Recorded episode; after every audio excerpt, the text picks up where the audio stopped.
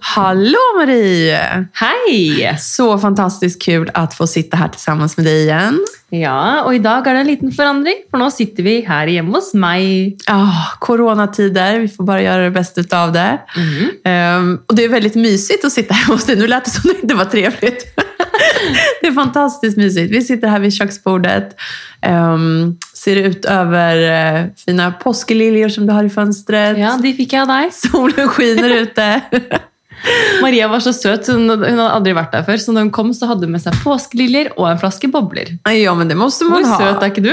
Jeg tykker man skal ha en liten... eh, Det er inflyttningspresent også. Ja. Sant? Men da tenker jeg at neste gang du kommer hit og vi spiller inn, da blir det et glass bobler. Det låter som en bra plan. Men for et par uker siden så snakket jo vi om våre fødselshistorier. Og det har vært så utrolig mange hyggelige tilbakemeldinger, det må jeg bare si. Eh, veldig, veldig hyggelig å høre når dere skriver til oss. Eh, I dag så tenkte vi at vi skulle prate om fjerde trimester, eller barsel som det også kalles. Eh, men Maria, hvis det er noen som ikke vet hva dette betyr, kan ikke du forklare oss? Jeg skal forklare. Eh, det her med barsel. altså, bebisen har jo bott inne i magen i omtrent nio måneder og har nå kommet ut. Och nu startar den här tiden som på norska kallas för barseltid. Och man kan säga att det här är den tiden som, som kroppen behöver för att anpassa sig både fysiskt och eh, psykiskt från graviditet till att vara en nybliven mamma. Och Det här är en väldigt stor omställning och verkligen en tid som man ska ta på allvar.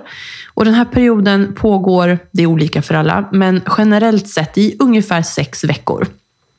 Och Under de här veckorna så är det otroligt mycket hormoner, tankar, känslor och en stor fysisk eh, omställning involverad i processen. Absolutt. Det er en ganske sån overveldende eh, periode som man går igjennom mye både med kropp og sinn. for å si det. Eh, den første tiden etter fødsel omtales jo da gjerne som fjerde trimester og barsel. Barseltårer, sykehusskjorta, den berømte bleia, hud til hud, den første bæsjen, barneskrik, ubehag og følelser. I dag har vi fått med oss en gjest, Natalie Helgerud. Hun er selv nybakt mamma, og i dag skal vi prate med henne om barseltid. Ja, det blir superkul. Og vi kommer å ha med henne på lenk online. Det er vår første gang, vår første gjest og vår første online-inspelning. Det blir veldig spennende. Så vi bare krysser fingrene for at eh, alt funker i dag. Ja, og at ljudet blir fint og alltihopa. Men du, om vi börjar med, med, med barseltiden her. Hvordan var din barseltid? Hur hadde du det? Nå må jeg bare spole litt tilbake og tenke på hvordan det var. Jeg husker at vi kom hjem fra sykehuset, og da var mor, kom mormor på besøk. Sånn typ fem minutter etter at vi kom inn døra, fordi hun hadde vært på Ullevål på en sjekk. da. Eh, og jeg har kanskje ikke sagt det her i podden, men jeg har jo vokst opp med mine besteforeldre, så hun er jo typ eh, som en mamma for meg. da. Eh, Så hun kom inn og fikk titte på Olivia da, og titte, hilse på oss. Eh, Og da var Det liksom, det var jo i fjor sommer, så det var jo midt i korona. Så hun ville jo holde avstand, og sånn, men det var så hyggelig at hun kom innom og bare fikk se da, og si hei. Eh, Men den første tiden for meg var eh, selvfølgelig veldig overveldende. Eh, Det er mye følelser og mye som skjer som man ikke vet om på forhånd. da. Blant annet at man må gå med bleie og Eller jeg gjorde i hvert fall det, da. Ja, det gjorde jeg også. Ja. Bleie, og man blør mye. Og jeg, ble, jeg husker jeg ble ganske sånn svimmel. Og mm, det å skulle få i seg noe mat og bare ta seg en dusj, det var liksom en stor happening i løpet av dagen. Det var liksom ikke som vanlig rutine. Det er noe som må på en måte planlegges litt mer, da. Men det var jo å sove når babyen så, da, og spise mellom eh, mellom slagene, holdt jeg på å si. Og Georg steppet opp på kjøkkenet som aldri før. Så får nesten få en baby til snart, så han kan eh, lage litt mer mat. Nei da, men eh, veldig god oppvartning fra han. Eh, så det var ganske deilig for meg at jeg kunne på en måte bare fokusere på meg selv og Olivia. Og så gjorde han mye av det praktiske, da. Så det var ganske god hjelp, syns jeg. Så bra. Ehm, men det var liksom Vi, vi følte på en måte at eh, ikke sant, Olivia lå nede i sitt babynest, og så følte jeg at leiligheten eh, det var liksom vårt nest. At eh, Det var veldig hyggelig å kunne gå en liten trilletur når vi orket det, men det å komme inn, det føltes så trygt. Ja, nå er Olivia våken her. Det føltes så trygt og godt å komme inn i leiligheten og vite at det her, her er vårt hjem, og her eh, har vi det godt. Så fint. Men hvordan var det for deg, Maria? Jeg hadde veldig ulike erfaringer erfarenheter og andre andra barseltiden. Mm. Eh, Min första barseltid var ärligt talat väldigt svår i starten med mycket osäkerhet. Ehm, Jag fick inte till amningen, sov dåligt. Jag hade en känsla av att nästan vara låst hemma. Alltså jag, jag, jag känner vad du menar, det här att hemmet känns tryggt och fint och allt det här. Men för mig var det så stor omställning hur mitt liv hade sett ut innan.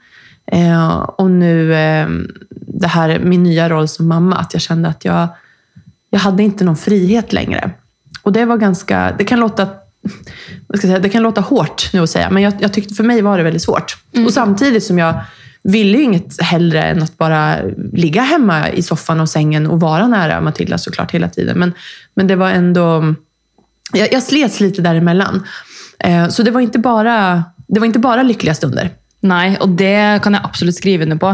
Jeg husker at det var veldig sånn eh, Jeg ammet jo. Eh, og da blir man jo veldig naturligvis låst. Eh, altså Du ammet jo ikke, men du følte deg også låst. Altså sånn, man, man, det eneste man vil, er jo å være med babyen sin, men Å ha henne hud mot hud og Ja. så. Det hadde jeg hele tiden. Men, men så samtidig ok, nå skal jeg legge ned henne. Så kjente jeg at jeg ikke borde gjøre det. Jeg kunne ikke gjøre det.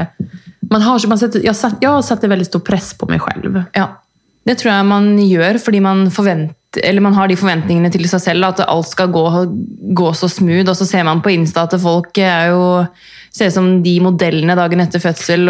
liksom... Ja, men og alle får det til, og det går så fint og man sitter og spiser gode middager. Altså, det gikk jo uker innan jeg hann spise en, en varm måltid. Ja.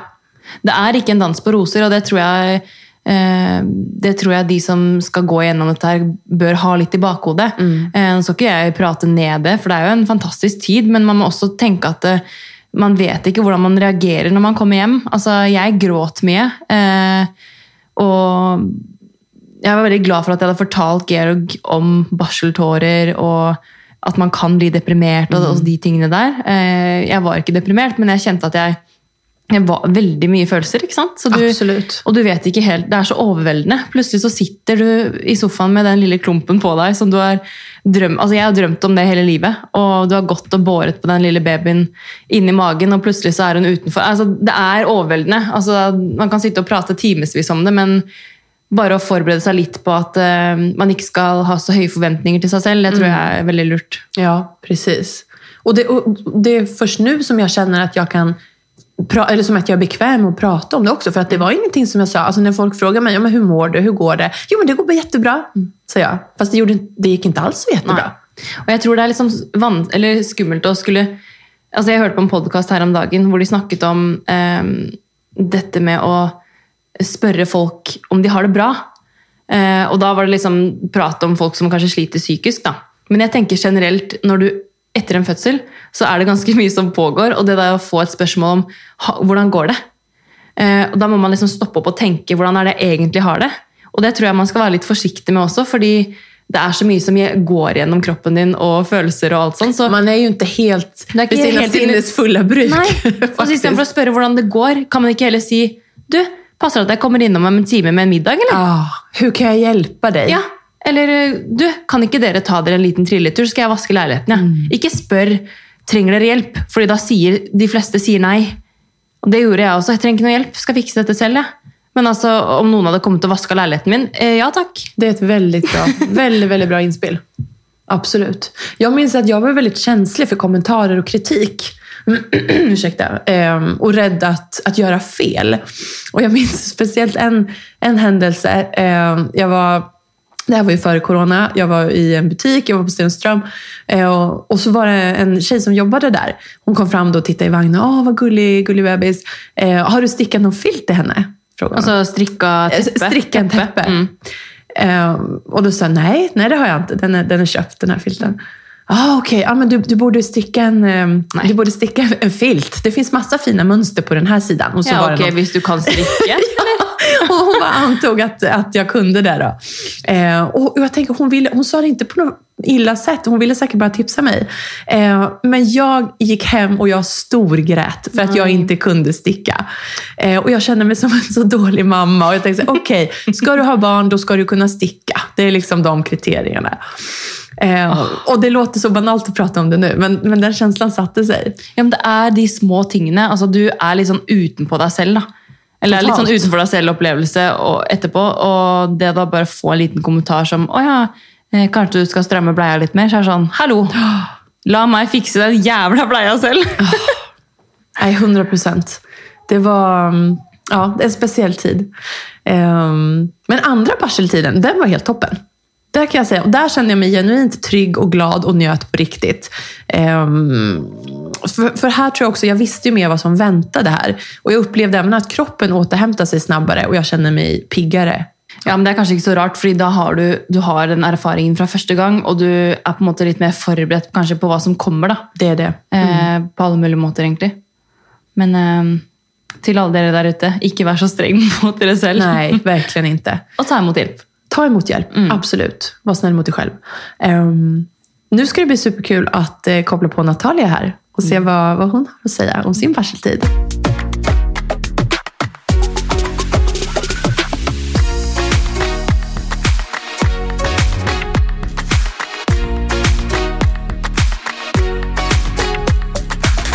Hallå Natalia, välkommen! Hallo, hallo. Tusen takk. Herregud, det her er skikkelig stas. Ja, alltså vi är superglada att ha dig här som vår allra första gäst. Vi sitter jo nå overfor hverandre på en skjerm, for sånn har det jo blitt. Eh, men du, kan ikke du starte med å fortelle litt om deg selv, Natalie? Ja, så bra. Ja. Eh, ja, jeg er Natalie. Jeg er eh, 35 år. Jeg, lurte litt på er jeg 36 eller 35. men Jeg er 35. Det er sånn klassiker. Hvor gammel er jeg? Vi runder nedover alltid, gjør vi ikke det? Eh, Snakk om ammetåke. Eh, jeg jobber jo eh, til vanlig eh, i L, hvor jeg jobber med mote og sosiale medier og sånne ting. Og det er jo drømmejobben som eh, jeg har vært så heldig å ha nå de siste tre årene. Med en tilværelse som plutselig ble snudd på hodet når jeg fikk baby. Men nå eh, må jeg si at jeg føler at livet smiler mer enn noensinne. Ja. Yay! Og så må vi jo si gratulerer eh, med lille Vienna. Ja, grattis! Tusen takk. Ja, altså hun er så søt. Vi har sett henne på Instagram. Ja, Ja, og så ja, fint jeg navn. er Helt forelsket. Ja. Hvor gammel er hun nå? Nå er hun ni uker og tre dager. Ah, wow. Det går fort, altså. Ja, det går så fort, men allikevel så tenker jeg liksom at jeg føler at ikke det er lenge siden jeg fødte. Nei, det er sånn, man, man sitter liksom og føler på de følelsene man gjorde under fødsel, selv om det er lenge siden, på en måte. Ja, Det eneste er at jeg merker at jeg ikke kjenner den smerten lenger. Jeg, altså, nå syns jeg liksom ikke det å føde var så ille. Man glemmer den smerten veldig fort. ja, det er veldig rart. For sånn et par um, dager etterpå så tenkte jeg sånn Det her skal jeg aldri gjøre igjen. Det blir ett barn, og that's it. Men nå kan jeg faktisk være åpen for en til. Ja. Om Undrar om det er noen nesten, men- försvarsmekanism nästan. Som, man, som gjør at smerten forsvinner, at man skal kunne ja. gjøre det igjen. Jeg tror nok det. Ja, og Jeg måtte spørre kjæresten min i sted, for jeg var litt sånn, jeg klarer nesten ikke å sette ord på smerten under fødsel. Men eh, altså, han bare herregud, ja, nei, du var, liksom, du var nesten ikke til stede, for det så ut som du hadde det så vondt. Så jeg bare ok, ja, da får jeg kanskje si det, da. Men er det noe du ønsker å fortelle fra fødselen, eller? Ja, altså jeg kan fortelle hva som helst. Jeg, er villig til å levere, utlevere meg selv nå. Ja, for jo, I dag skal vi jo prate om barseltid og fjerde trimester, som da er etter fødsel. Oi, Ja. eh, Olivia sitter her og skrudde på boka si. sånn, beklager. Litt ljudeffekter. Litt ljud- lydeffekter der.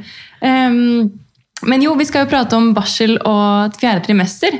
Eh, men før vi prater Ja. om det, så må du gjerne fortelle litt kort om eh, fødselen din, hvis du har lyst til det.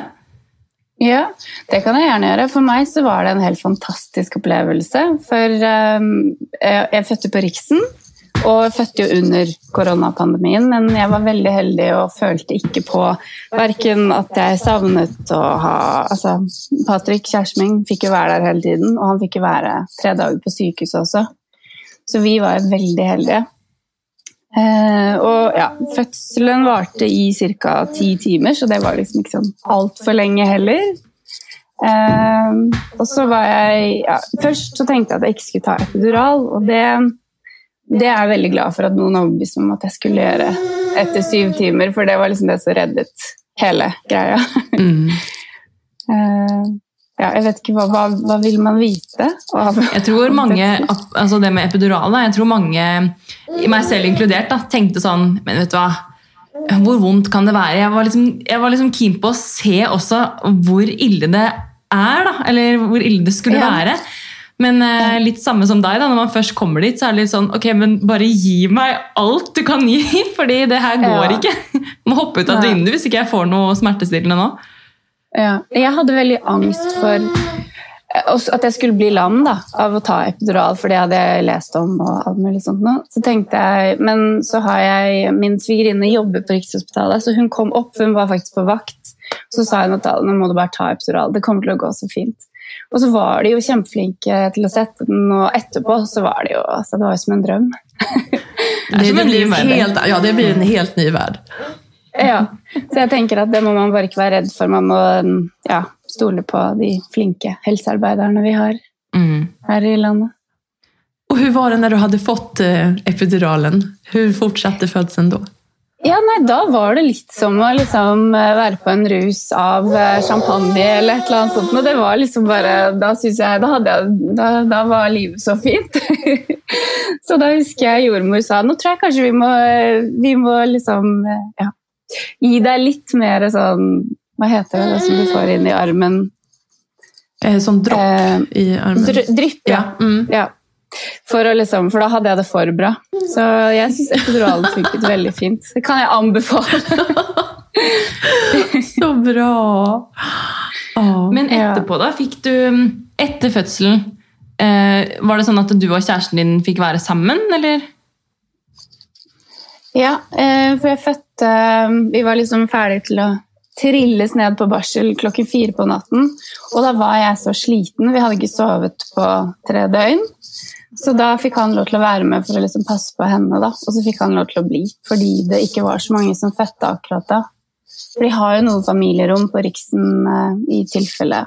Ja, så vi var veldig heldige. Å, så bra. Men tre døgn, da, det er lenge å være våken. Ja, eh, jeg startet, det startet torsdag morgen, riene. Eh, og så var det liksom, det, det pågikk sånn, jeg hadde en rie sånn hver halvtime frem til, ja, jeg fødte da, natt til søndag. Eller ja, det var søndag, Wow. halv ett på natten fødte jeg. Så det var ganske lenge. Mm. Lang tid med rier. Ja. Så det må jeg si, det var det var det- verste, å gå hjemme. Og, ja. Den ja, det är uvissheten. Ja, Lang tid å gå hjemme også, Ja. innan, du, innan du i gang. igång. Ja. Ehm, ja. Det, den, ja. Og så visste man jo ikke Jeg ante jo ikke hva jeg gikk til, eller hva som skjedde. Jeg ringte Rikshospitalet et par ganger, og de, ja, de var veldig sånn Jeg fortalte at ja, det er ikke noe stress, det er bare å vente, liksom. Og så går man rundt og man har aldri hatt så vondt før.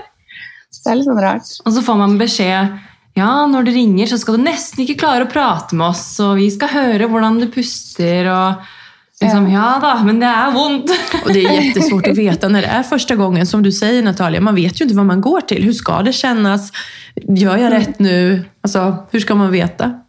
Mm. Ja, nei, jeg syns jo egentlig at man Jeg kunne ønske at man kunne Hadde jeg kunnet kommet på- til sykehus med en gang jeg fikk rier, så tror jeg jeg hadde følt at opplevelsen var mye tryggere sånn alt i alt. Men det er klart det er sånn det er i Norge, da. Ja. Eh, så, men så gråt jeg meg til å få komme til slutt. Da, så fikk jeg time klokken ti lørdag, og det var jo da ja, omtrent to, to døgn da, siden det hadde startet. Og da hadde jeg jo fire centimeter åpning, og det trodde de ikke når jeg kom. Da trodde de faktisk at jeg var typ sånn, litt sånn overhysterisk og ja, førstegangsfødende. Okej. Så jeg var veldig glad for at jeg da fikk komme, da merket jeg liksom man, man slapper av med en gang man kommer på sykehuset. Blir det en fått trygghet? komme- Ja, så hadde jeg fått komme dit før, så tror jeg liksom at jeg hadde ja, følt det bedre, da. Mm. Det er jo noe med at når man kommer dit også, så føler man at nå kan hva som helst skje, og så er jeg i trygge hender. da. Ja, ja absolutt. Jeg er veldig glad for at jeg kjente spark hele tiden, så det var liksom en, ja, en, en, en betryggende følelse, da. Men det er klart, eh, jeg, jeg kan forstå at mange er veldig redde før de kommer til sykehuset. Absolut. Ja. Også, Men- ja. når det er første gang, og man, som sagt, man vet jo ikke hva man går til i det hele tatt. Og de riene altså, Jeg var ikke klar over at det skulle være så vondt. Nei. Nei, hadde, hadde, du gjort deg noen tanker innan? Hadde du forestilt deg noe, hvordan det skulle være, og hvordan du ville ha din förlossning? Eh, Jeg var litt av den oppfatningen at jeg skulle lese minst mulig, og ikke eh, Jeg skulle bare ta det som det kom, da, høre på jordmor og alt det der. Eh, Men jeg kunne ønske at jeg faktisk hadde lest meg litt mer opp på hva som skjedde, og hvilke Altså hva jeg hadde i vente, da. Okay. Så det kan jeg anbefale andre, andre fødende. Ja. Men, men akkurat sånn var min eh, samboer eh, Georg også. fordi han Jeg var sånn 'Å, vi må se på YouTube, vi må gjøre ditt og datt'. Og jeg hørte på alt mulig av podder og ville liksom vite alt. da. Mens han var sånn som deg, at han ville heller liksom danne seg et eget bilde av hvordan det var, da, istedenfor å se Istedenfor å se det Han ville danne seg et eget bilde, da, utenom å Olivia. sånn, sånn er det når man har med en baby her. Eh, jo, han ville danne seg et eget bilde av eh, på en måte vår erfaring da, eh, av fødsel, uten at han skulle liksom ha noen andres historie i bakhodet. Og det er jo, der er man jo helt individuell. Mm. Absolut, men jag förstår verkligen vad du menar Natalia. Alltså just det här med, med smerten at man, og det som faktisk skjer. For det er en stor prosess når, barnet, når bebisen skal gjennom kroppen og ut. Um, mm, jag känner vad du mener.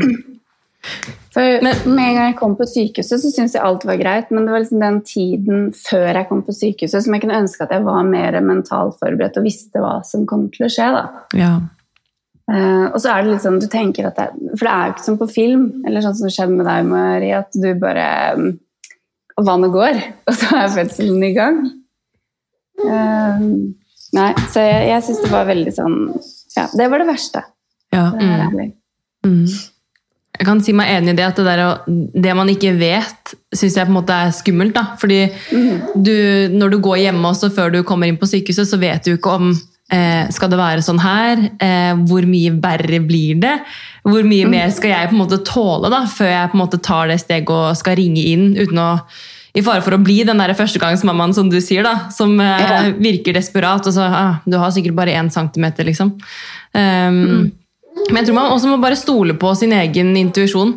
Fordi som regel så stemmer jo det, da. Ja. Og jeg tenker, man, Vil man ringe inn når man er en centimeter også, så det er også greit, tenker Ja. jag. Alla är så olika att man måste få göra det man själv känner för. Ja.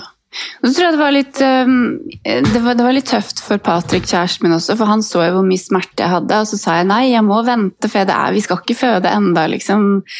Eh, og han, men altså, nå har det jo så vondt, vi må jo bare, vi må dra. Tenk om babyen kommer, altså, det var litt ille for han nå da. Så klart. ja. Ja. Og så hadde jeg, det var jo på en måte det som hang over meg, var jo også sånn, hvis man drar for tidlig, og så skal da Patrick sitte ute i bilen, og, og jeg skal være her alene, nei, det vil jeg ikke, så jeg vil vente lengst mulig, sånn at han kan være med meg inn. Så det, var, det er også noe man tenker mye over da. Ja, det er jo spesielle tider nu med, med pandemien. Spiller jo Ja. inn. Mm. Men du, hvordan var det når Vienna kom opp? Når hun kom ut og kom opp til ditt bryst? Kan du beskriva den känslan? Ja, det, det er den sykeste følelsen eh, i hele mitt liv. Jeg kjenner jeg får gåsehud på hele kroppen. bare jeg skal Ja, jag liksom får også den om det prate om det. Og jeg har en video hvor jeg bare sier sånn Men herregud, hun er jo så fin! Ja. For man er jo litt sånn Man håper jo selvfølgelig, og man syns jo selvfølgelig at babyen sin er veldig fin og søt, og sånn, men jeg har, man blir jo litt redd. Tenk om den ser rar ut. Det är ju en människa du aldrig har träffat tidigare. Man vet ju ingenting. og så ser du, og så så jeg henne og så tenkte jeg sånn Herregud, selvfølgelig, det er jo deg. Å, du er verdens nydeligste. Og ja, nei, det var veldig gøy. Åh, så Så hadde man jo så mye adrenalin i kroppen. Da tenkte jeg sånn Nei, nå kan vi egentlig bare dra hjem. Nå er jeg klar for alt. Nå er det sånn Nå kan hva som helst skje. Ja. Ja, Nå har jeg fått babyen, nå stikker vi. Ja virkelig. Det er, det, det er den villeste følelsen. Så den følelsen gjør det egentlig også litt at jeg har lyst til å gjøre det igjen. Fordi når du først får henne på brystet, så er, det- Det er alt Ja. greit. da er det så bra. Det er sånn superkick. Jeg husker jeg følte meg sånn sykt sånn Jeg kan gjøre alt. Eh, og da jeg skulle gå bort til Eller vi skulle ut av rommet, da, bort på barsel, så um, husker jeg de sa sånn Ja, vi, skal vi finne frem en rullestol? Eh, for det kan jo være litt ubehagelig å gå. Jeg var sånn Rullestol? Jeg skal gå bort! Og de var sånn Ok, men vi kan godt ta Olivia for deg, da. Jeg bare, ja, greit, liksom. Så jeg gikk Ja. bort, da, og de bare Herregud, her er det en som skal ordne sjøl. Ja, vi var også veldig sånn Med en gang vi kom ned på barselavdelingen, så dro vi aldri i den lampen eller spurte om hjelp. Så de måtte liksom komme inn for å spørre altså, går det fint her. Men vi var, sånn, vi var så i vår egen boble, og vi skiftet bleier, og vi sto i, og det var liksom Nei. Visste ni på en gång otroligt. hur ni skulle sköta henne?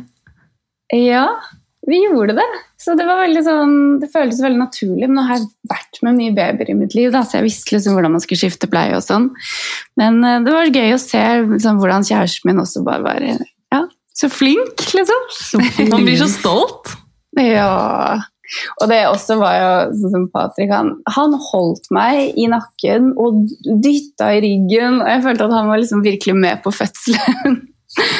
Det er utrolig den støtten man får, hvor mye det hjelper. Altså, de føler seg kanskje ganske ubrukelige, men de skulle bare visst hvor mye eh, Ja. den jobben de gjør, hvor mye det betyr, da. Ja, og det med måte, selve den å presse ut babyen, det er jo virkelig ikke den verste oppgaven.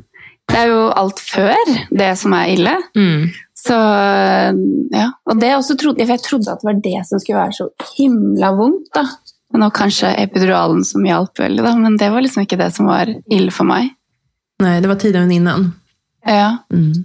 Eh, Så det må, for de som skal føde, så tenker jeg man bare husk på det at det er ikke det som er det verste.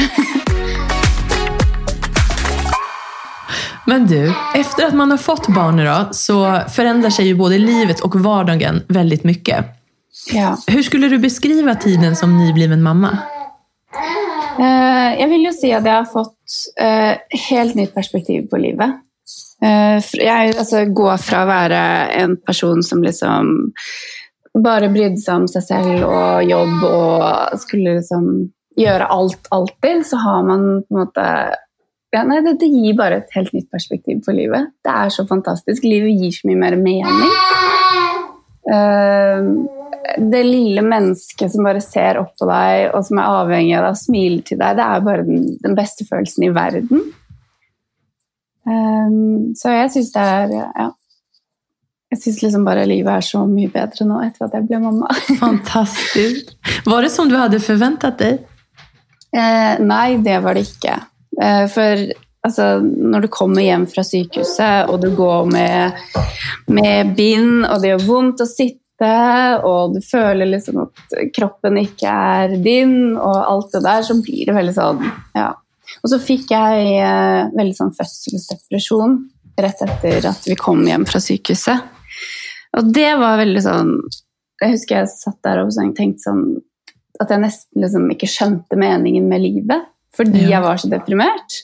Uh, men det er jo visstnok vanlig. Forlåt at jeg avbryter deg. Vil du bare holde mikrofonen litt nærmere munnen? Ja, unnskyld. Ja, sånn. ja. Perfekt, Takk. Ja, men berätta mer. Hur, hur upplevde du den? At du ble um, deprimert då? ja, jeg husker på en måte sånne små ting da, som jeg hadde gledet meg til ved bare trille, gå trilletur og liksom kose meg med babyen. Alt bare virket som en sånn altså det, det var en sånn tomhet inni meg. og en altså jeg, jeg følte meg også veldig sånn trist. Og så tenkte jeg, er dette livet, liksom? Meg og Patrick og den babyen. Og så tenker jeg nå som jeg syns det er så fantastisk, så er det så rart at jeg hadde de følelsene. Så husker jeg gikk på, på Kiwi for å handle mat, og det var første gang jeg var alene. Så tenkte jeg sånn Herregud, det er jo egentlig veldig deilig å være alene. da, Kanskje jeg ikke skulle fått denne babyen. Altså, det var bare sånne rare følelser som dukket opp. Mm. Helt normale gikk... følelser. Mm. Ja. Ehm, og nei, det var, det var liksom sånn Jeg så ikke mening med noen ting. Alt var liksom bare svart og trist. Og det var sånn sånn PMS gange 1000, liksom. Mm. Men pratet du med noen om dette her? Um, ja, jeg hadde jo um, svigerinnen min som jobber på barsel på Rikshospitalet, som jeg sendte, og som var veldig mye hjelp da, de første ukene. Og jeg skrev og måtte fortalte hvordan jeg følte det. For først så var jeg så redd for å sette ord på de følelsene. Men så det var først når jeg liksom fortalte henne hvordan det var, at det nesten løsnet litt. For hun da fortalte altså det her er vanlig, det er ikke bare du som har det sånn. Så begynte jeg liksom å tenke sånn Ja ja, men dette går over. Og da var det akkurat som det letta litt. Men kanskje man trenger bare å eh, inn, altså, innrømme for seg selv, da. Eh, og bare som du sier, sette ord på det, så hjelper det på en måte bare deg selv til å forstå litt mer hvorfor du har de følelsene du har. Ja, det tror jeg virkelig. Det og så er det så mange følelser som skjer på en gang etter at du, du blir mamma, som du ikke tenker på før du blir mamma, på en måte. Eh, og så husker jeg også jeg tenkte så mye på det der med at eh, eh, hvordan skal jeg liksom klare å ta vare på denne babyen? Tenk om jeg ikke klarer det? Altså, du, du, gikk fra liksom å være sånn superwoman på sykehuset til å liksom bli så, så redd da, når, eh, når, du kommer hjem. Det, å, å, ha noen der da, og, og så var det jo lockdown, så vi kunne egentlig ikke få besøk. Så nei, det var sånn Ja, det var veldig grusomt. Mm. Så akkurat der så skulle jeg nok gjerne hatt litt mer veiledning, og, og på en måte at jeg følte at jeg hadde visste litt mer hva jeg gikk til. Da. Har du noen råd til, til våre lyttere, om det er noen som kjenner igjen seg? Hva skulle du ville si til dem? Um, jeg tror ikke vær redd for å liksom kanskje spørre om en venninne kan være der litt for deg, eller at moren din skal være der de første dagene. altså litt sånne ting. Jeg hadde jo også sånn jeg husker jeg begynte å strigråte, og så sa jeg til Patrick jeg vil bare at mamma skal komme. Mm. så var det liksom, Jeg må ha mamma her, må ha, hun må liksom være her. Og det var så rart, fordi jeg har liksom ikke følt på den følelsen siden jeg var liten. liksom. Jeg, sånn, jeg vil at mamma skal komme. det er litt fint, da. Tror, ja, så jeg tror liksom, ja, ha, Pass på å ha noen rundt deg som kan støtte deg. og liksom, Ikke vær redd for å be om hjelp og få noen til å lage mat til deg. Eller, altså, for alt virker så du har jo ikke tid til noen ting, og du er sliten. Og, ja. Det er veldig gode tips. Det er det. Mm. Och det här, man ser ju inte, alltså om man tänker som sociala medier och så, man ser inte så ofta den här bilden utan det är inte jättemånga som deler just den här. Uh, ja, og det, bare det at du faktisk skal gå med bind i seks uker, det er jo ikke sikkert alle vet. Og at det er vondt å sitte, det er vondt å ligge, det er ubehagelig, og i tillegg så er det en baby som er avhengig av deg 24-7. Det er en veldig belastning. Kroppen er øm, du sover ikke som du har gjort tidligere. Ja, du har nippler nipler som kjennes ut som to kniver. Ja. Hvis man ammer, da. Um, ja. Og, og det, nei, det, er mange ting man på en måte ikke visste om eller tenkte at man burde forberede seg på, da, som bare dukker opp, og så må man bare deale med det. Mm. Ja. Um, også når um, Eh, det at hun måtte, altså Babyen går jo litt ned når du kommer hjem fra sykehuset. Eh, og jeg fikk ikke til ammingen med en gang. jeg heller sånn, Det kom ikke noe melk ut. og da, altså Den følelsen hvor du liksom sånn, når du ser babyen liksom Å nei, det er så grusomt. Mm. Og det visste jeg heller ikke. Ja. Jeg fikk aldri i gang ammingen, kan jeg si. Nei, ikke alls for meg. Nei, gikk ikke. Vi får nesten ta et eget avsnitt om amming, kjenner jeg. Det blir et eget Eller eh, avsnitt. Egen, flaske versus amming. Det får vi ta en, eh, en egen prat om. Absolutt. Ja, for, for meg så var det veldig viktig det å få til ammingen. Uh, og det får jeg til. Nå fullammer jeg jo, men liksom den følelsen av å liksom, Og jeg var ikke klar over at de går litt ned i vekt før de går opp igjen. Av at de første tre dagene så er det faktisk ikke noe melk i puppen. Det var jeg heller ikke klar over. Uh, så når du liksom ser at hun ligger der og er så liten, og så får du ikke gjort noe, det var så grusomt. Men heldigvis gikk det bra, og nå er hun en skikkelig tjukkebolle. oh, det fins ikke noe bedre enn det. Sånn litt gode, runde lår og Ja. Men det er veldig rart det at man føler at det uh, Ja det er sånn, det er sånn mestringsfølelse å få til ammingen. Mm. Så for de som ikke får det til, så kan jeg liksom forstå at man blir liksom skuffet. Mm. Jeg var helt knekt. Det var en sånn det var også første, Jeg har jo to barn, men da med første så var det helt, for Jeg var så innstilt på at det skulle fungere, at jeg skulle få det til. Og sen når ja. det ikke gikk, og jeg forsøkte og jeg forsøkte, og jeg forsøkte, og jeg ble jo nesten deprimert av det. Bara för att, och jag, jag hann inte njuta någonting av mitt barn utan, och den tiden. Utan jag bara kämpade på med det här och bara grät. Och, så det var ju massa folk inkopplade till slut involverade i det här. Alltså läge och eh, jordmor och alla möjliga. Och de sa ju till slut att nu måste du lugna ner dig med det här. Alltså dropp det, för att det, inte, det funkar inte för alla. Och det är helt grejt. Så när jag, på ett vis, när jag, fick det, när jag tog det beslutet, då kunde jag lugna ner mig och börja njuta av, av min barseltid. Men innan så var det helt kaos. Ja. Og så tenker jeg også Det er veldig fint å gi flaske på en måte. fordi jeg vet, sånn som Min kjæreste han, han gleder seg jo til den dagen han kan få lov til å gi melk til, til Vienna. Så han er sånn 'Å, kan du ikke begynne å pumpe litt snart? Kan du ikke, skal du ikke dra til en venninne, sånn at jeg liksom kan få lov til å gi melk?'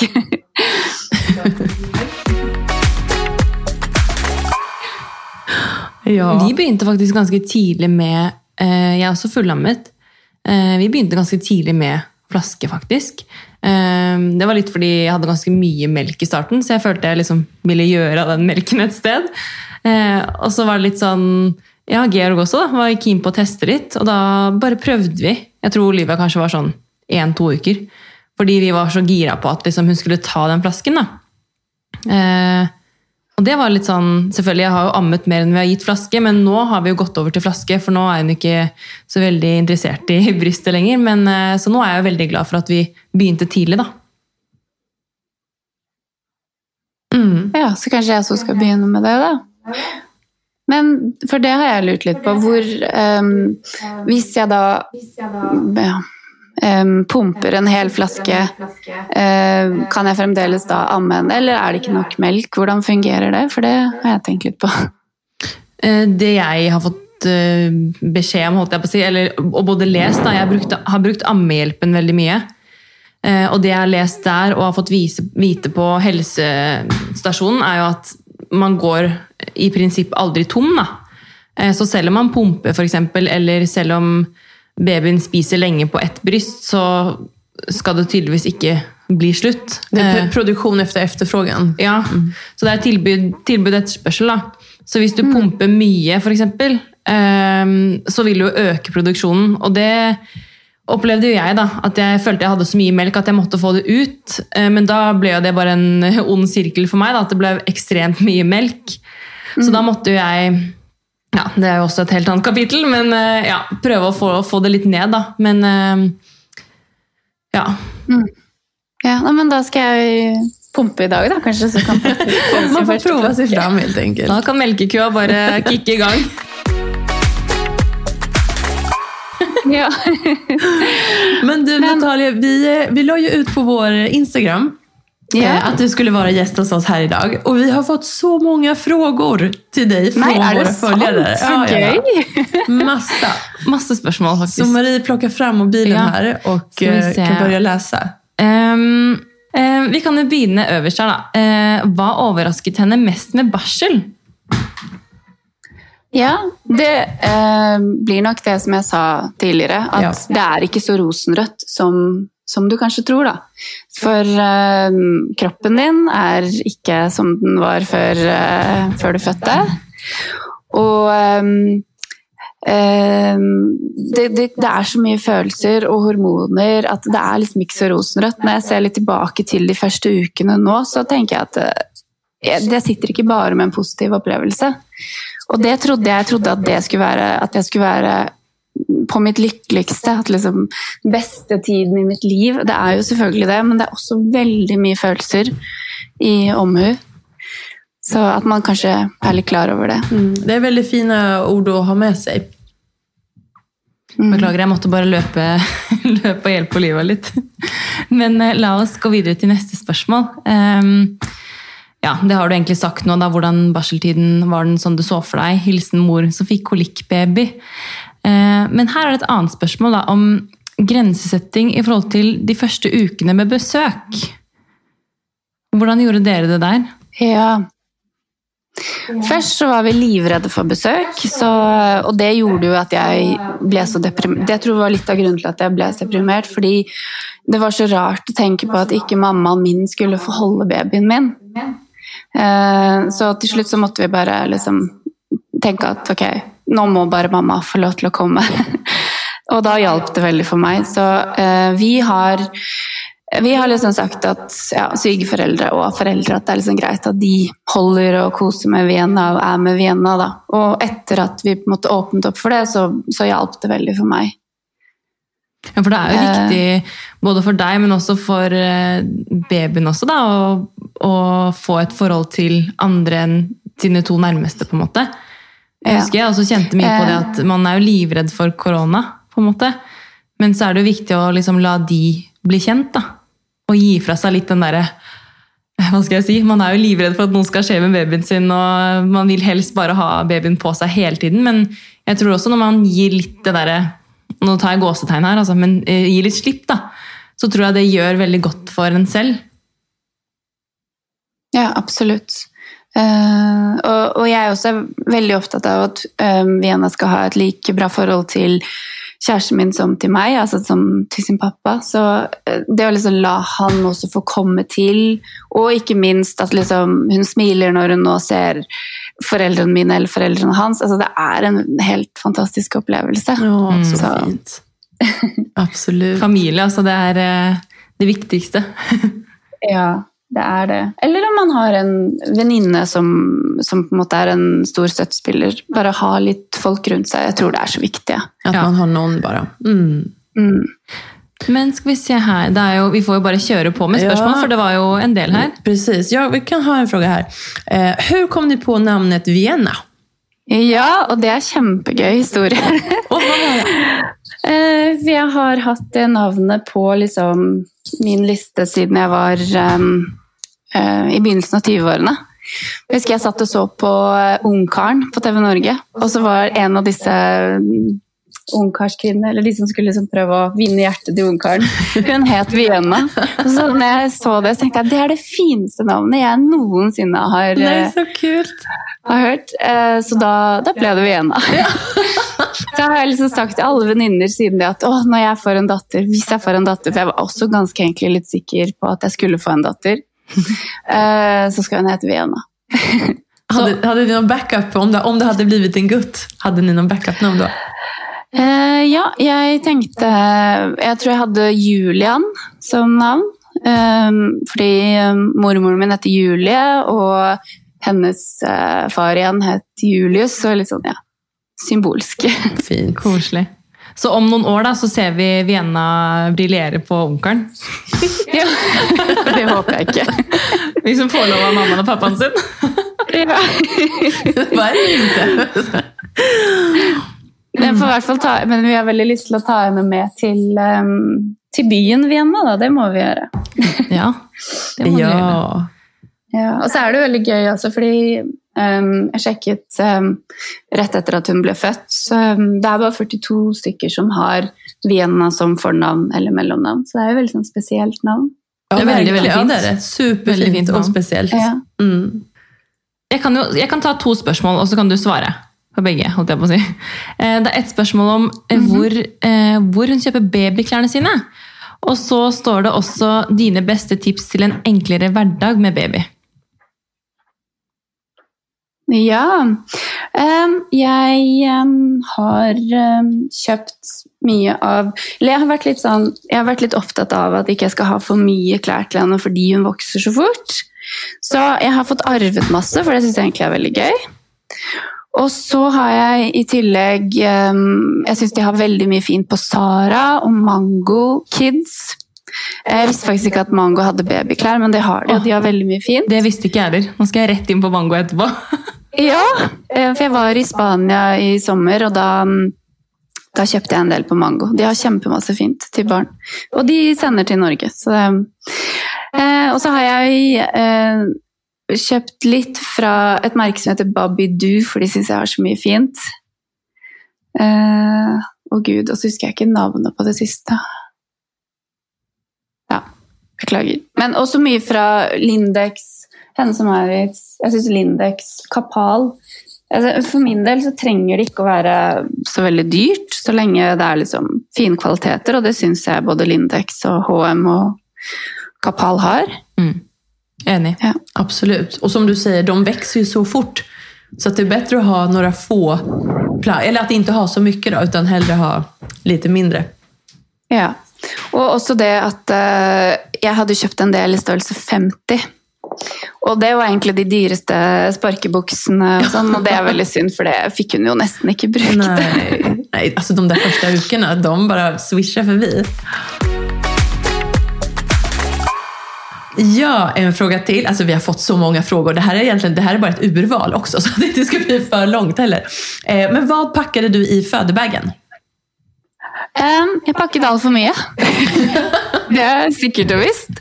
Og herregud, hvor mange antrekk jeg hadde til meg selv. Altså, jeg tror jeg brukte ett antrekk, så det trenger ikke å pakke så mye klær til seg selv. Men uh, jeg um, um, Ja. Jeg hadde med bodyer og sparkebukser og sånne ting som vi hadde på Vienna. Og så hadde jeg med en, eh, altså klær som man reiser hjem i. Og det var vel egentlig det. Men det var veldig mange bodyer. da, Veldig mange sparkebukser.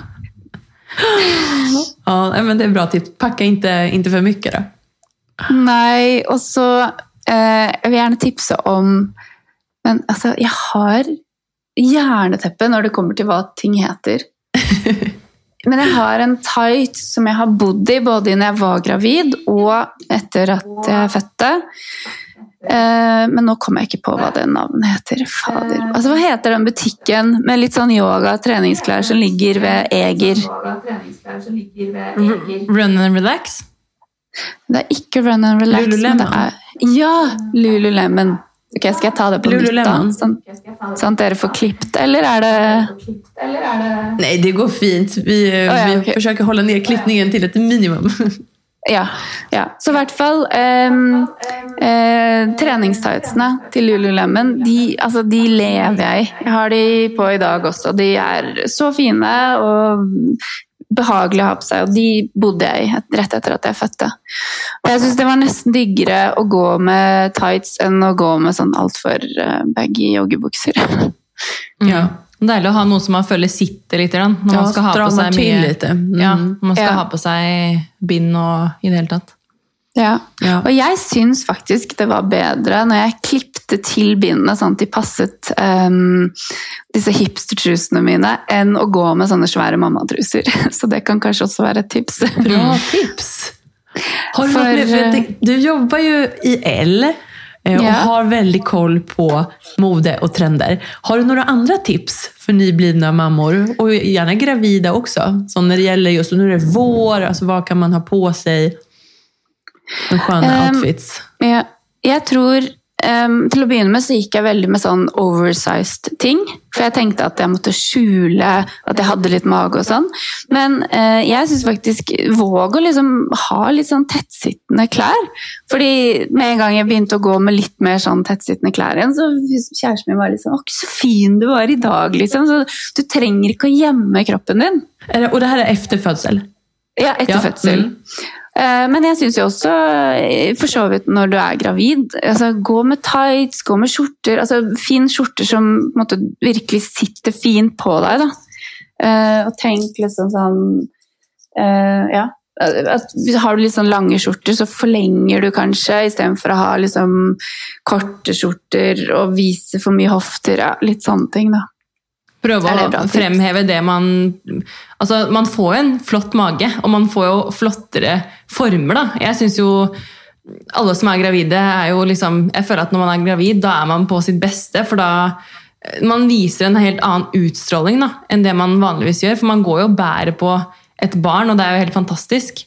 Så heller det å på en måte vise fram og fremheve de nye, Ja. flotte formene sine. Da. Eh, kanskje man ikke er helt komfortabel med en gang, men etter hvert at man prøver seg frem litt og tar en, et belte i livet og fremhever magen, liksom. Og, ja. Um, Ja. Så jeg investerte veldig i sånne tettsittende um, kjoler, altså sånn strikkekjoler. Mm. Uh, og det var det jeg følte meg finest i også. Eh, og tights, Og kjøp eh, Ja, sjekk ut Lululemon sine tights. De er så, så fine. Eller HM er også veldig fine sånn gravide tights. De bruker jeg faktisk ennå. Jeg syns de er så deilige å gå med. Oh. Uh, og ja, ha litt sånn tettsittende ting, rett og slett, syns jeg, da. Ja, ja, bra Du trenger ikke å gjemme deg bort selv om du er gravid. Ja. Eller etter fødsel. Jeg husker jeg følte meg liksom Jeg var overrasket over hvor uh, fort jeg syntes at magen forsvant. Altså sånn jeg, jeg ser jo tilbake på bilder nå at det var jo absolutt en mage der. Men etter at Olivia ble født, så, og jeg tittet meg selv i speilet på, inne på barsel der, så var det sånn Herregud, så tynn jeg er! og tenkte Ja. sånn Shit! Tok på meg en singlet og bare Yes, her er det en middel, liksom. Eh, og så er det så rart å tenke på at Eller det kjentes så rart, fordi du har hatt en baby inni der så lenge, og plutselig så kjennes det bare så hult. Sånn, å ja, nå er det ikke noen som bor i det magehuset her lenger. Det blir en helt annen form. altså magen Ja. den här, för, när man er høygravid, magen er så spent, så den er som en ballong. Og sen når den forsvinner, og allting blir så här mjukt Blir typ igjen, igen. Ja. Som en vannballong. Ja, herregud. Ja.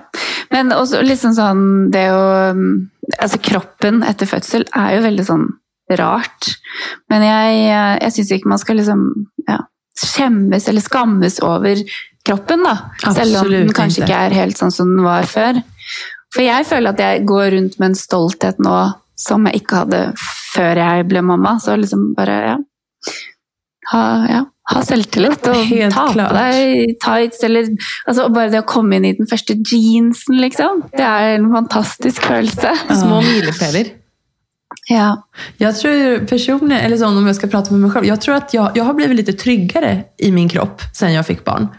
För som du säger Natalia, att man blir, jag har gått igenom det här, det har gått fint, det, man flyttar fokus. Man er stolt av kroppen sin fordi den eh, kroppen har en funksjon eh, og på en måte kan bære fram da, et barn, og det er mulig å liksom føde det også. Og da blir jo på en måte kroppen for et annet Så, Eller kroppen får en annen bruks... eh, Hva skal jeg si? Man blir en annen bruks... Bruksområde. ja. Det er veldig feil å si på den måten, men ja. Skjønner hva du mener. ja. men savner du noen gang magen, Natalie?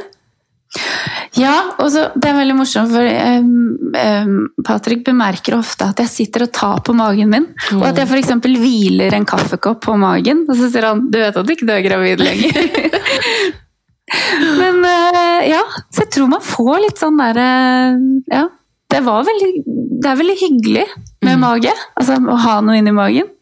Man får en litt annen relasjon til sin mage. Vad man Ja. hadde innan.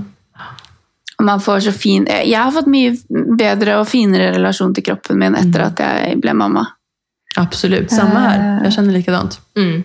Ja, og så tenker jeg det er altså, Det er ikke så farlig om du er noen ekstra kilo eller ti kilo. Eller, altså, jeg har jo fremdeles en lang vei å gå, men du, du er så fornøyd med deg selv. Og liksom, jeg har mye mer selvtillit nå enn det jeg hadde før jeg fødte.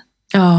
Og det er så bra Så er- du sier, fordi det er ikke sånn, I mine øyne da, så er det ikke der fokuset bør eller skal være da, når man har fått et barn. Altså, ok, Man har en liten vei å gå, liksom, men hva er det man stresser med? Altså, selvfølgelig Man skal føle seg komfortabel i egen kropp, da. det er kjempeviktig. Men altså, gi deg selv litt slack, liksom. Det, jeg har i hvert fall kjent på det også, at jeg føler meg mye mer vel nå i kroppen min enn det jeg gjorde før. Og jeg også har noen ekstra kilo eh, enn det jeg hadde før jeg ble gravid, men det gjør meg liksom ingenting. Det er ikke noe jeg stresser Nei. med. Nei, det er ikke det som er viktig. Nei. Sånn, ok, det er en Nei. liten mage der. Så lenge du er frisk, så lenge du mår bra, så lenge baby mår bra. Det er Ja, det som betyr og altså, ikke, ikke tro på det du ser på Instagram, for det er veldig lett å gjøre seg selv tynnere på et bilde. Absolutt. Det er ikke, ja, det er ikke realiteten, tror jeg. At Nei. man er supertynn og har nettopp fått en baby. Nei. Men du, jeg, jeg klinker til med et spørsmål til her. Eh, mange sier at de tre første månedene etter fødsel er de vanskeligste. Opplevde du det samme? Når jeg ser tilbake nå, så vil jeg nok si ja på det. For eh, det var eh, både Altså, jeg har vært så redd for altså Man blir jo så redd for at man skal miste babyen. eh, at det skal skje noe. Så du går rundt og liksom kikker på henne hele tiden. Altså, jeg turte nesten ikke la henne sove alene. Man er så redd, og man er engstelig, og alt det der. Så altså, det er virkelig ikke så rosenrødt som det du tror at det skal være, da.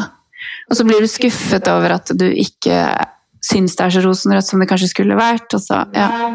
så ja, det er det. Jeg, jeg forstår hva du mener, at det nesten blir som skamkänslor. At man så här, jag borde, nu har jeg fått min baby, jeg borde være så lykkelig hele tiden nu, hvorfor er jeg ikke det? Mm. Men så er man jo også veldig lykkelig, og så plutselig så letter ting. Sånn som etter seks uker, når du liksom ikke trenger å gå med bind mer, og du kan liksom Du føler at du finner tilbake til deg selv, og du tar en dusj, og du sminker deg, og du føler deg skikkelig fresh, og du går rundt med en baby, og du er så stolt. Altså, da er det jo ingenting som er bedre. Da. Nei, man hittar tilbake litt til til seg selv. Ja, det løsner på en måte, og så blir man sånn Å, herregud. Nei, dette er helt fantastisk. Ja, det er jo en så stor omstilling, det har vi jo sagt flere ganger. Um, og med alle hormoner og allting som hender. Og det er noe helt nytt. Så det är inte Ja. konstigt at man, blir, At man kjenner så i starten. Mm. Ja, nei. Sånn som jeg gikk ofte Jeg unner meg liksom én kaffekopp hver dag på Kaffebrenneri eller Baker Hansen eller noe sånt. Og, Og kjøp deg et fint magasin, sett deg ned, bare liksom kos deg, kjøp litt blomster. Altså sånne små ting, da. Eh, ja. Det hjelper, syns jeg, da. Ja. Hur tyckte du det var i starten att ta dig ut ur, eh, ur med Vene? Ja, altså faktisk det har, eh, det har gått fint. Bortsett fra at når jeg um, fødte um, altså De første ukene etter at jeg fødte, så var det jo 15 minus, så vi kunne jo ikke gå ut av leiligheten. Uh, og så jeg var så redd for For det er også sånn Det er det ikke noe fasit på. Hvor mye skal en baby ha på seg? Hva er liksom riktig? Hvor mange lag? Hur skal man veta? Jeg husker jeg googlet sånn Hva skal en baby egentlig ha på seg når vi går på tur? Det var, det var så vanskelig. Men takk Gud for venninner og ja. Så det skulle nesten vært en sånn bok, eller en sånn eh, støtteside for hvor eh, Ja. Ja, det blir mye googling kan man jo konstatere. Ja, fy søren. Aldri googlet så mye i mitt liv. jeg. Nei, ikke jeg heller. Yes. Du, tiden springer iväg här eh, och vi ska börja runda av. Men nu ska vi gå över till veckans tips. Om vi börjar med dig Natalia, har du något tips du vill dela med dig av? Ta epidural. Det er mitt tips. Ja, men altså det, det lettet Jeg angrer så på at jeg liksom holdt ut syv timer før jeg liksom tok den epiduralen. Ikke vær redd for å ta epidural. Gjør det. Jeg tror da Ja, det reddet fødselen min, rett og slett. Bra tips. Veldig bra tips. Marie, hva sier du? Mitt tips er um, ikke vær redd for å spørre. Altså, det pratet jeg bitte litt om i forrige episode da vi snakket om, um, om eh, fødsel også. Men ikke vær redd for å spørre, enten det er helsepersonell, venner, familie eller kjæresten din. Altså, jeg tror på en måte nøkkelen til kommunikasjon da, det er Nei, glem det. Eh, altså kommunikasjon er nøkkelen til alt godt, da. så bruk den for alt det er verdt. Og ikke vær redd for å ta imot hjelp. Det tror jeg er mitt tips. Mm. Mm. Ja, jag jag, fortsätter på den. Um, Ja. Og nå i pandemin så är det ju helt klart svårare rent praktiskt eh, att ha besök og hjelp och så. Men kanskje kan man ringa noen eller søke stöd online. Ja, jeg har hatt også veldig god nytte av det sa jeg kanskje i sted, men ammehjelpen. Der har jeg funnet masse gode tips. Fordi ofte kan man jo google og ikke vite helt hva slags kilder man skal stole på. da. Men ammehjelpen har i hvert fall vært en veldig god hjelp for meg. Mm. Så bra. Och ett annat tips som jag har, det är att jag tänker inte säga njuta av tiden, nu gör jag sån tecken igen, men till en nybliven mamma. För just de orden så fick jag höra många gånger och jag tyckte inte alls att det hjälpte mig. Um, jag kan hellre säga kom ihåg att tiden går, brukar jag säga. Så får mottagaren själv välja hur hon vill ta det till sig. Eh, för att det kan innebära, som vi har pratat om, att man njuter jättemycket under första tiden. Det är många fina stunder. Eh, men det kan även vara ord till en tröst till de stunderna som inte är så rosenröda.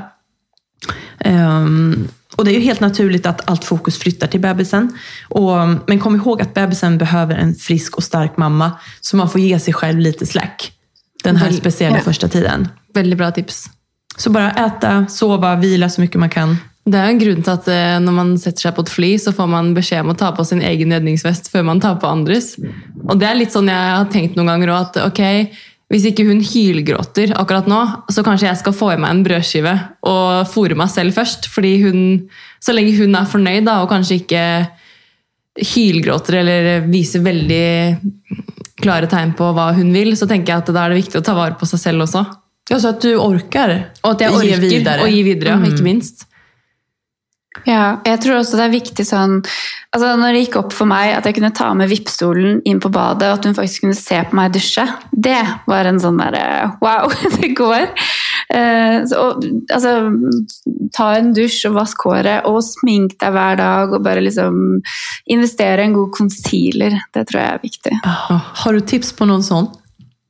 Ja, altså jeg spurte jo på min egen Instagram for en stund siden om en bra concealer, og jeg har um, investert i en fra It Cosmetics, som eh, jeg syns har blitt veldig Åh, Ja. Jeg har hørt så mye bra om det merket, jeg har aldri testet det. Åh, jeg elsker Nei. det. Ja, du har hört, du har provat? Elsker det. Oh, jeg må kolla opp. Ja. Men da må jeg faktisk komme med et tips der med tanke på concealer, fordi eh, jeg føler jeg aldri har funnet noe bra concealer. Um, men nå bruker jeg faktisk en fra L'Oreal, tror jeg det er. Men det var ikke det som var tipset. Tipset var å bruke noe som er mørkere. Man kjøper jo alltid noe som er lyse for å fremheve, men du er jo ikke keen på å fremheve noen blå bager under øynene. Du vil jo bare liksom dekke til. Så det har liksom funka bra for meg, da, at jeg bare har brukt en concealer som er litt mørkere, for å liksom fade den mer inn. Ah, Så det er lite life hack der. ja, det var smart. testa. Eller bare ta litt ekstra foundation. Det er også greit. Så bra. Neimen, eh, tusen takk, Natalia for at du tog deg tid til å være med her hos oss. Ja, tusen takk for at jeg fikk, um, fikk være med. Jeg føler jeg har like mye adren- adrenalin i kroppen nå som etter at jeg fødte. Håper det er på en bra måte. ja, så kjempegøy. Så blir jeg sånn Å nei, har, har jeg sagt det? Har jeg sagt det? Ja, uansett. Jeg tror vi har fått pratet om veldig mye bra nå. og jeg tenker jo Hvis du kommer på noen tips i etterkant, nå, så kan du jo bare skrive det til oss, så kan vi dele på Instagram-kontoen vår. Eh, Der fikk vi mange gode tips på slutten, så enten du vil ta med deg noen concealer-tips, eller eh, har fått lære litt om eh, barseltid, så håper vi at det er noe nyttig, i hvert fall. Det håper vi. Eh, Och Natalia, om man vil komme i kontakt med deg, hvor hittar man deg? någonstans? Din Instagram? Eh, ja, Natalie Helgerud på Instagram. Og send meg gjerne spørsmål. og Jeg syns det er så hyggelig med alle som kontakter meg på Instagram. Eh, jeg, eh, jeg kjenner selv at jeg kunne ønske at jeg hadde mer støtte og hjelp før jeg ble mamma. Så det er bare å spørre meg hvis det skal være noe.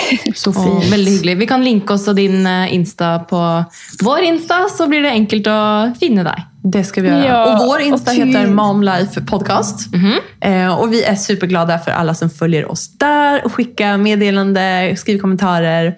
Eh, tagga oss gärna i, eh, i bilder, i story när ni är ute och, och lyssnar. Eh, det blir vi superglada för.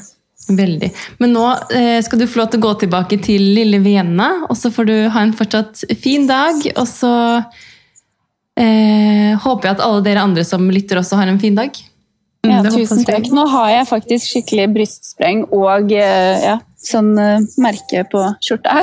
Da var det perfekt eh, avrunding, da. Nå skal vi ikke holde deg lenger. Tusen takk for at du var med. det var så koselig å få være med, og ja, takk for meg. takk, takk. Ha det bra. Ha det!